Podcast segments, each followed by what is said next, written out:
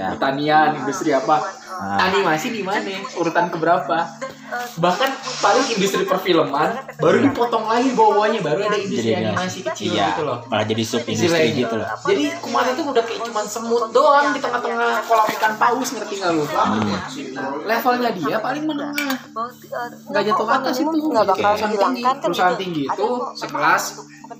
Microsoft, Apple, Samsung. Unicorn, dekakorn gitu. Iya, unicorn dekakorn gitu. Kumata itu nggak dihitung besar, terlihat besar karena di antara semua geng-geng kita ini, Oh, iya, dialah iya. yang paling di atas anjir gitu loh. Paham, paham, upah Kayak Katsuki lah anjing. Pennya kan paling tinggi, tapi tetap aja kecil anjing organisasinya. Iya, iya. iya. Startup indie itu. Banget. Gak disponsorin desa mana pun. Iya. Yang memang selesai kerja atau karakter Sedia kali kemudian dunia itu bisa omnibus law ini kita jangan lihat ini hanya untuk satu tahun. Ya, tapi itu buat ngubah insight, insight saya juga sih Kumata. Saya nggak tahu eh, omsetnya berapa dia per bulan, apakah bisa dihitung gede atau enggak. Tapi setahu saya PT gak sih? PT, PT karyawannya juga banyak, eh, jumlah proyeknya juga rata-rata mungkin udah mm-an, tapi tetap hitungannya pada pada para buruh yang bekerja di sektor Batas karena cuma nyampe M, pasti nggak lo? Orang biasanya proyek itu udah ada yang sampai ratusan M, puluhan M, atau bahkan Ya. pekerjaannya eh, T gitu kan. harus dituangkan Oke, di dalam PKB Digit M-nya lebih tuh. PKB Banyak, nggak satu digit M doang. perjanjian Gitu. bersama Gua kadang Ah, eh gue kan kita diajak ngobrol ginian ya sama Colby. Ah. Gua satu gua nggak baca.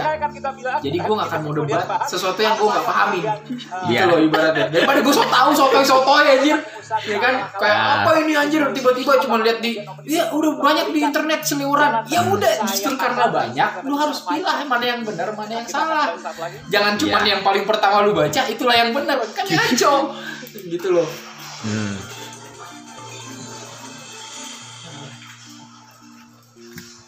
Makanya eh, Terus gue bilang gini Kenapa kalaupun misalnya Omnibus Law ini eh, Apa namanya eh, Pertanyaan gue Kenapa sekarang disahkannya? Kenapa pas pandemi pertama? Ya kan? Kenapa Ya. pas pandemi? Kalau pas pandemi malah ngurusin UU. Iya, saat ada corona, orang fokusnya ke sono. Otomatis kan banyak yang berteori bahwa semua ini cuma politik. Pengalihan isu. Semua ini cuma kebutuhan politik, termasuk corona itu sendiri itu pun politik, ngerti nggak lu? Oke. Jadi sama kayak Microsoft yang bikin virus dan dia juga yang bikin obatnya. Nah, strategi itu pun dilancarkan di sini. Negara dibikin chaos chaos chaosnya, habis itu muncul tuh sosok pahlawan. Gue benerin dah nih semuanya, padahal itu udah skenario dia gitu kan. Tapi di mata rakyat, wah anjing penyelamat, penyelamat ya kan. Istilahnya, otomatis dia nah yang bakal naik berikutnya. Nah, pertanyaan gue, Omnibus Law ini kan disepakati dan diketok berdasarkan suara terbanyak yang ada di Saat rapat itu. itu, ya kan? Ya, rapat Istilahnya, itu. ada yang nolak, ada yang abstain, ada yang setuju, Nah. ya kan? Nah, syarat untuk diketok kan cuman yang penting misalnya 80 orang. Yang penting 41 orang setuju dong. Ya kan? Ya, ya. 39-nya terserah mau ngapain gitu. Hmm. Ya kan? Siapa dalang dibalik orang yang nyogok 41 orang ini anjing udah tuh. Yang main cantik di belakang maksudnya gue yakin mungkin emang ada yang setuju, tapi ada yang sebenarnya bingung atau mungkin cuman yang kelompok kepentingan doang. Yang penting dikasih duit. Pasti ada yang main duit di belakang ngasih duit nih. Lu lu lolosin dong biar hidden agenda gue lolos. Gitu loh ibaratnya. Iya. Nah, akhirnya suara ini lu pasti udah familiar lah sama ini di film-film ya kan banyak ya kan udah Oke. pernah ada skema kayak gitu dan itu nggak nutup kemungkinan kenapa Hmm. gua ngomong kayak gitu karena gue hidup di lingkungan orang-orang politik bokap Oke, gue paham. om gue tante gue semua orang DPR DPD semua dia gitu kan Hmm. Nah jadi hal-hal sogok menyogok itu gue udah udah udah bodo amat dah gitu kan Iya. ibaratnya Udah jadi hal. Nah, otomatis suara jadi suara terbanyak itu diketokan diketok palu itu siapa yang main di dalamnya di belakangnya. Terus siapa yang main ini hidden agendanya apa? Nah itu Ya. gitu. Kan gue mikirnya gini ya, kalau asing makin banyak di sini, oke lah mungkin Indonesianya grow. Tapi Indonesia sisa sisa punya apa gitu ya? Hmm. Tinggal punya apa dia anjir kalau semuanya udah dituin. Terus tiba-tiba investor bersatu nih mengancam negara. Gitu loh misalnya gitu. kayak eh ini gue ini ya gue tarik ya semua investasi gue oh jangan dong. Ya udah lu berarti ini gue dong. bantuin gue apa kayak gini gini gini, gini gitu kan? Nah, mungkin dong skenario kayak gitu mungkin dong ya kan? kenapa gue bilang kayak gitu? Karena kalau usut-usut yang kasus Timor Leste kan juga kayak gitu. yang waktu yang dimerdekakan Iya. kan dia udah naruh ormas-ormas atau ah, pokoknya yang siap ngancurin negara gitu kan Nah, ini gue udah Pak Habibie Indonesia bakal hancur kalau gue udah kayak semacam kayak kayak gini doang gitu Iya. istilahnya. Gue mau Timor Leste lepas gitu. Kalau enggak gue porak-porandakin di Indonesia. Udah kayak ditodong pistol tau gak lu? Ya kan? Ya mau nggak mau dong daripada Indonesia yang hancur mending sebagian kecil yang lepas gitu kan. Iya. Skema itu nggak mungkin belum tentu belum tentu tidak terulang gitu loh. Kalau itu pernah berhasil otomatis bisa dong diulang ya kan? Nah, makanya gue mikirnya kayak udah kayak skema skemanya Moriarty tau nggak lu anjing ini ada orang ada orang berotak Moriarty gitu kayaknya. Di belakang ini dan itu mungkin nggak satu orang tapi berkelompok dan mereka mengatur semua kayak elit globalnya Indo lah gitu loh ibaratnya. Ini orang-orang elit global Indo nih ngatur negara. Dan mungkin termasuk demo-demo pun udah diperhitungkan sama dia. "Eh, ini orang bakal demo. Kemungkinan demonya ini ini ini. Yang dia fokusin cuma ini ini doang.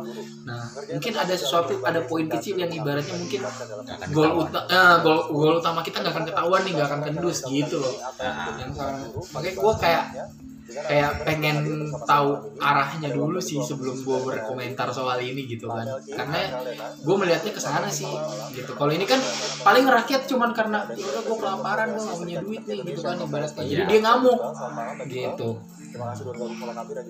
terus kalau ya kalau gue pikir pasti ada hidden agenda dan hidden agenda yang paling masuk akal adalah ntar lagi 2021 pilkada serentak itu satu 2021 pemilu 2024 oh iya. Ya kan?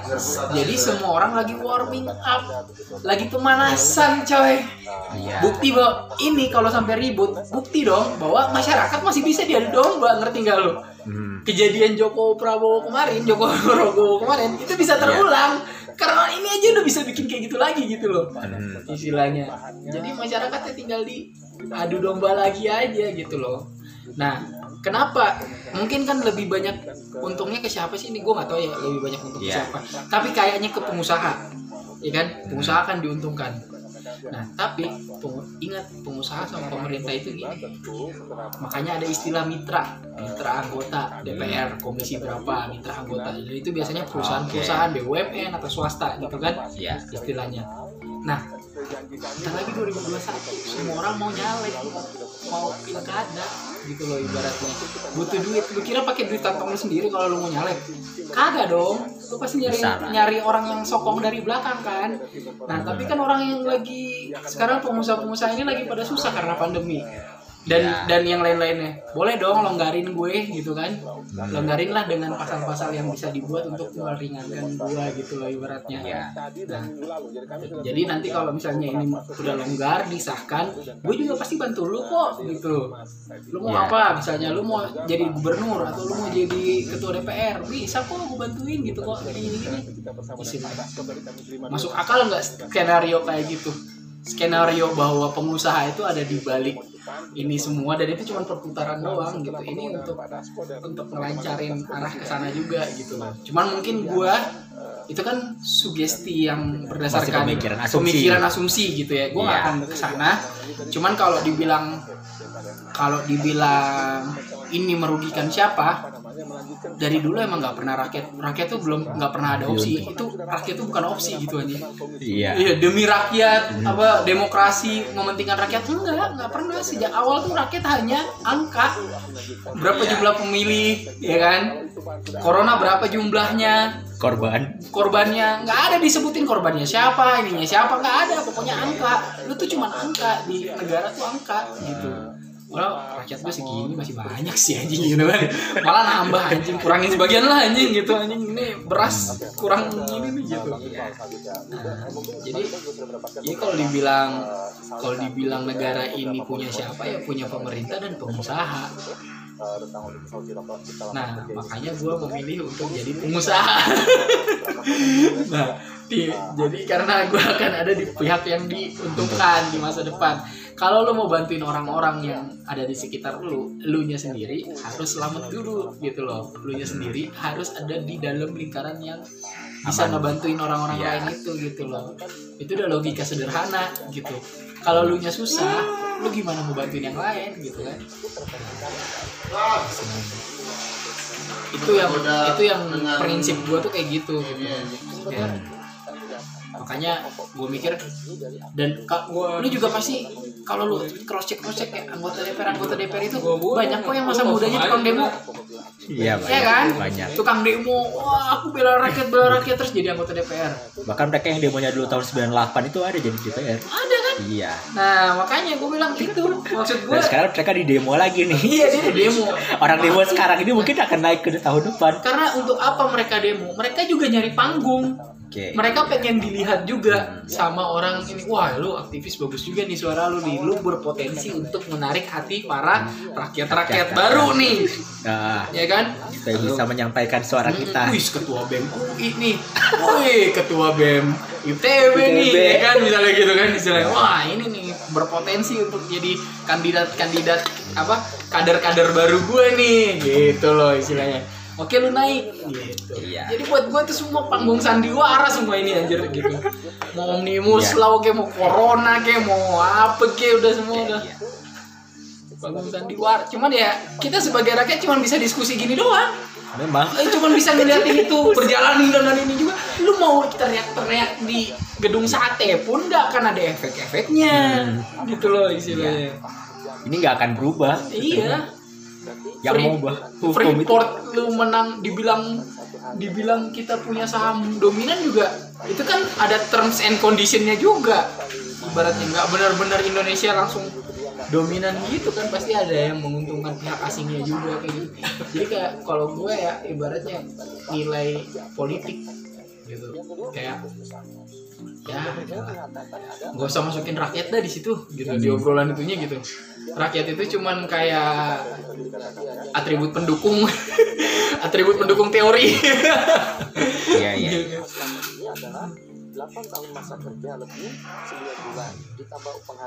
Gue kadang suka bingung sih. Jadi gue kadang kalau di kan, kan gue ngomong kayak gini kadang gue bilang kayak gini kan udahlah mending lo kerja yang benar cari duit yang benar bayar utang bayar kosan bayar ini kan daripada ributin yang kayak gini-gini. Banyak tuh yang ngoceh. wah lu nggak punya hati nurani lu apa segala macam. Kalaupun lu punya hati nurani emang kalau lu ngoceh kenapa gitu loh Apa ibaratnya yang berubah? apa yang berubah Dari ini semua. temen lu aja paling bagus paling gua anjing gitu loh Gitu.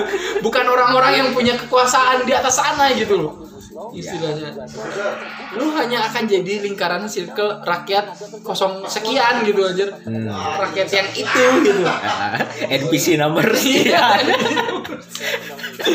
gue bilang mending lu kerja yang benar mumpung nih teman-teman lu lagi pada libur nih dicap jelek sama atasan lu lu ngejilat aja dong sampai ke atas anjing lu cari nama di atas sana ya kan? Lu jadi sesuatu jadi something jadi orang. Habis itu lu tolong teman-teman lu baru dah.